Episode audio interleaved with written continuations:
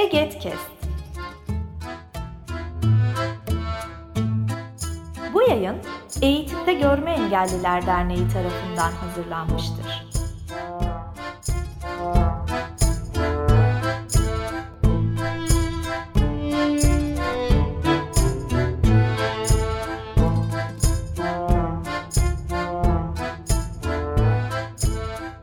Merhaba, Bir Aradayız serimize farklı konu ve konuklarla devam ediyoruz. Ben Oğuz Akkaya, yayınımıza hoş geldiniz. Üniversitelerde, farklı bölümlerde engelliliğe dair ya da kapsamında engelliliğin de ele alındığı çeşitli dersler verilmekte. Geçen bölümümüzde Hacettepe Psikolojik Danışmanlık ve Rehberlik Bölümü öğrencisi bir arkadaşımızla kültüre duyarlı psikolojik danışma dersi kapsamındaki deneyimleri üzerine konuşmuştuk. Bu bölümde ise Bitlis Eren Üniversitesi Sosyal Hizmet Bölümünden Kadriye Hanım aramızda. Kadriye Hanım merhaba, Merhaba, hoş geldiniz. hoş buldum. Kadriye Hanım isterseniz sizi tanıyarak başlayalım önce. Biraz kendinizden bahsedebilir misiniz? Tabii, ben Bitlis Eren Üniversitesi Sosyal Hizmet Bölümü öğrencilerinden Kadriye Parlak. Evet, Kadriye Hanım daha önce herhangi bir görme engelliyle ya da herhangi bir engelliyle bir ilişkiniz oldu mu? Bir arkadaşlığınız, birlikte çalışmışlığınız ya da birlikte ders almışlığınız vesaire. Daha önce e, karşılaştım çünkü iki tane zihinsel engelli kuzenim var. Anladım yani özelde görme engellilerle değil ama engellilerle bir ilişkiniz Evet, oldu. evet. Peki üniversitede dersler almadan önce engellilere dair düşünceniz hakkında biraz konuşabilir miyiz? Tabii. E, dersi almadan önce engellilerle ilgili düşüncem hep şu yöndeydi yani daha çok yani evlerinde izole bir şekilde yaşasınlar yani toplumdan uzak özellikle de yaşanan engelleri engelli bireylere yönelik yaşanan istismar vakalarından sonra böyle bir düşünce oluştu. Yani daha çok yaşamları ev içerisinde olsun toplumdan uzak yani topluma e, çıktıklarında da birinin yardımıyla yani sürekli birinin yardımıyla çıksınlar yani gezme olsun ya da farklı hizmetlerle hizmetlerden yararlanma konusunda hep birileri yanında olsun yani refakatçi biri olsun e, düşüncesi hakimdi bu dersi almadan önce. Hı Ancak hı. dersi aldıktan sonra yani ben e, kendi düşüncem şu yöndeydi. Yaşamlarını sürekli ev içerisinde sınırlandırmıştım. Aslında yaşam sadece ev içerisinde olacak bir şey değil. İnsanlarla iletişim kurulması gerekiyor. Yani yaşadığını yaşadığınızın hissettirilmesi gerekiyor diğer insanlar tarafından. Hı hı. Yani ne kadar yaşam hakkında e, ihlalinden aslında bu düşüncemle o engelli bireylerin yaşam hakkını ihlal ediyordum yani. Korumak adına onların yaşam haklarını ihlal ettiğinizi düşünüyorsunuz. Bu yönde bir Evet. bakış açınız vardı, anlıyorum. Peki üniversitede e, aldığınız dersin ismi neydi? Engellilerle sosyal hizmet. Hı, anladım zaten sosyal hizmet bölümündesiniz. Harika. Peki bu seçmeli bir ders miydi? Evet. E, bu seçmeli dersi almaktaki motivasyonunuz neydi? Ee, şöyle bir şey var. Ee, bir sosyal hizmet uzmanının sahip olması gereken özelliklerinden biri kültürel yetkinliktir. Hı hı. Ve kültürel olarak yetkin olmam için de e, engelli bireylere yönelik ön yargılarımı, ayrımcı düşüncelerimden vazgeçmem gerekiyordu. İleride bir engelli bireyle karşılaştığımda e, toplumdaki hizmetlere erişebilirlik konusunda yaşadıkları zorluklar hakkında bilgi sahibi olmam gerekiyordu. İletişim hı. yani onlarla e, iletişim problemini e, bertaraf etmem gerektiğini de biliyordum. Çünkü iletişim çok önemli. E, verdiğim hizmetin yarardan çok zarar getirme ihtimali de vardı ve bunu düşünerek o dersi seçtim. Peki bu ders kapsamında engelliliğe dair neler öğrendiniz? Ne tip kazanımlar vardı? Bu ders içeriği nasıl? E, bir sosyal hizmet uzmanı bu dersi aldığında onu neler bekliyor? Ne gibi kazanımlar elde edecek? Şöyle bir şey var, e, dersle ilgili e, özellikle bilgi, o bilgi eksikliğinizi gideriyorsunuz gerçekten hani e, görünenin görünmeyen kısmını da görüyorsunuz. Aslında hani e, her ne kadar toplumda engelli bireyle, bireylere yönelik hizmetler e, oluşturulsa da o erişebilirlik sağlansa da hani e, tam anlamıyla sağlanmıyor. Çünkü şöyle bir etkinlik düzenlemiştik ders içerisinde. Göz, e, hocamız şunu demişti, gözlerinizi kapatıp bir yürüyebilir misiniz? Hani herhangi bir yerde, toplu taşıma araçlarında ya da üniversitenin kampüsü içerisinde gözlerinizi kapatıp gezebilir misiniz?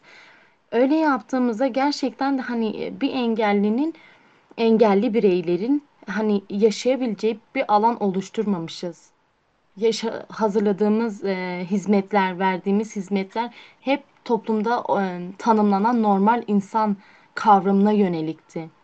Ve yaşamlarını ne kadar aslında hani e, kolaylaştırdığımızı düşünsek de o kadar kolaylaştırmadığımızı görüyoruz. Ve buradaki eksikliği e, gördüğünüz zaman o zaman bir doğru hizmet ve doğru e, etkinlikler düzenleyebilirsiniz. Doğru üretimler yapabilirsiniz. Hmm, anlıyorum. Aslında e, görme engelli bireylerle empati adı altında bazen böyle çalışmalar yapılıyor. E, insanlar gözlerini kapatarak bir engelliyi anlamaya çalıştıklarını söylüyorlar ama sanırım siz bunun ötesinde bir şeyden bahsediyorsunuz. Çünkü e, kısa süreliğine gözlerin bağlanmasıyla görme engellerle empati kurmak aslında çok doğru bir yöntem değil. Zira görme engelli birisi bu şekilde doğmuş olabilir ya da sonradan görme yetisini kaybetse bile e, buna yönelik hayatını düzenlediği ve bu konuda becerilerini geliştirdiği için gerek eğitimlerle gerekse yaşantısından edindiği deneyimlerle aynı şeyi karşılamıyor gözleri anlık olarak kapatmak. Çünkü uzun yıllar görme yetisini kullanan birisinin anlık olarak görmesini kaybetmesiyle ancak empati kurulabilir anlık bir durumda gözün kapanmasının. E, ama siz sanırım farklı bir şeyden bahsediyorsunuz. Yani evet. ihtiyaçları fark etme anlamında çevreyi ne kadar da aslında birçok bireyin özelliğine uygun olarak değil de sadece belirli standartlara uygun, tırnak içinde sizin de normal diye ifade ettiğiniz bireylerin yaşam tarzına uygun şekilde dizayn ettiğimizi, standartları biraz daha daralttığımızı ifade ediyorsunuz sanırım. Doğru anlıyorum değil mi? Evet, evet. Farkındalık oluşturma yani yaşanan duruma farkındalık oluşturma da aslında temel amaç. Yani e, dediğiniz gibi anlık bir şekilde onun e, tam olarak e, yaşamını anlayamazsınız. Sadece buradaki temel amaç farkındalık oluşturma yani bu alana ilişkin farkındalık e, oluşturmaktı. Peki bu dersi almış birisi olarak e, engellilik kavramı hakkında şu anda ne düşünüyorsunuz? Aslında biraz önce biraz bahsettiniz. Yani kısıtlama fikrine sahip olduğunuzu dersi almadan önce ona iyi davrandığınızı düşünürken engelli bireye, örneğin akrabalarınız olan engelli kişileri korumacı yaklaşırken iyi davrandığınızı düşünürken aslında yaşamla ilgili bir hakkını ihlal ettiğini söylediniz. Bu çok güzel bir bakış açısı. Biz de e, yardım temelli ve hak temelli diye iki kavram e, üzerinde hep duruyoruz. Yardım temelli değil de hak temelli olmak gerekiyor diye. E, biraz burayı açabilir misiniz? Yani bu ders sizde ne gibi bir değişime e, yol açtı? Biraz daha detaylandırabilir misiniz? Tabii ki. Şöyle bir şey var. Ben size spesifik bir örnek vereyim. Ee, Heh, çok güzel görme olur, harika. engelli, aynen. Görme engelli bir e, biriyle ka- buluşma ihtima e, buluşma imkanımız olmuştu ve kendini tanımlarken ben e, kör biriyim demişti. Ya öyle dediğinde e, bir e, değişik hissettim. Neden kendini kör olarak tanımladı ki? Aslında kör kavramını kaba bir e, kaba olarak görüyorduk. Görüyordum hı. daha doğrusu. Ancak hani kör kavramını o kadar da kaba değil. Aslında kör e, kavramı şudur. Işık herhangi bir ışık hissetmeyen anlamında.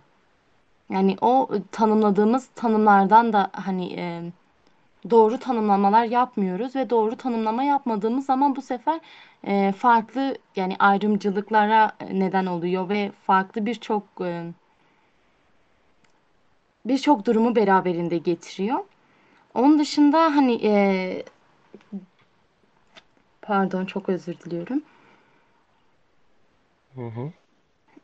Onun dışında e, şöyle bir şey vardı. E, Görme engelliler bağlamında e, tekrar devam edeyim.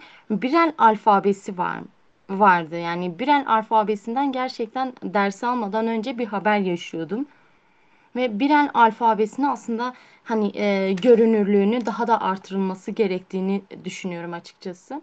Yani bu ders bağlamında Birel alfabesini hani biraz daha ne işe yaradığını, nasıl kullanıldığını öğrendim görme engellilerin okuma ve yazmasını sağlayan bir e, sistem olduğunu bu ders bağlamında öğrendim.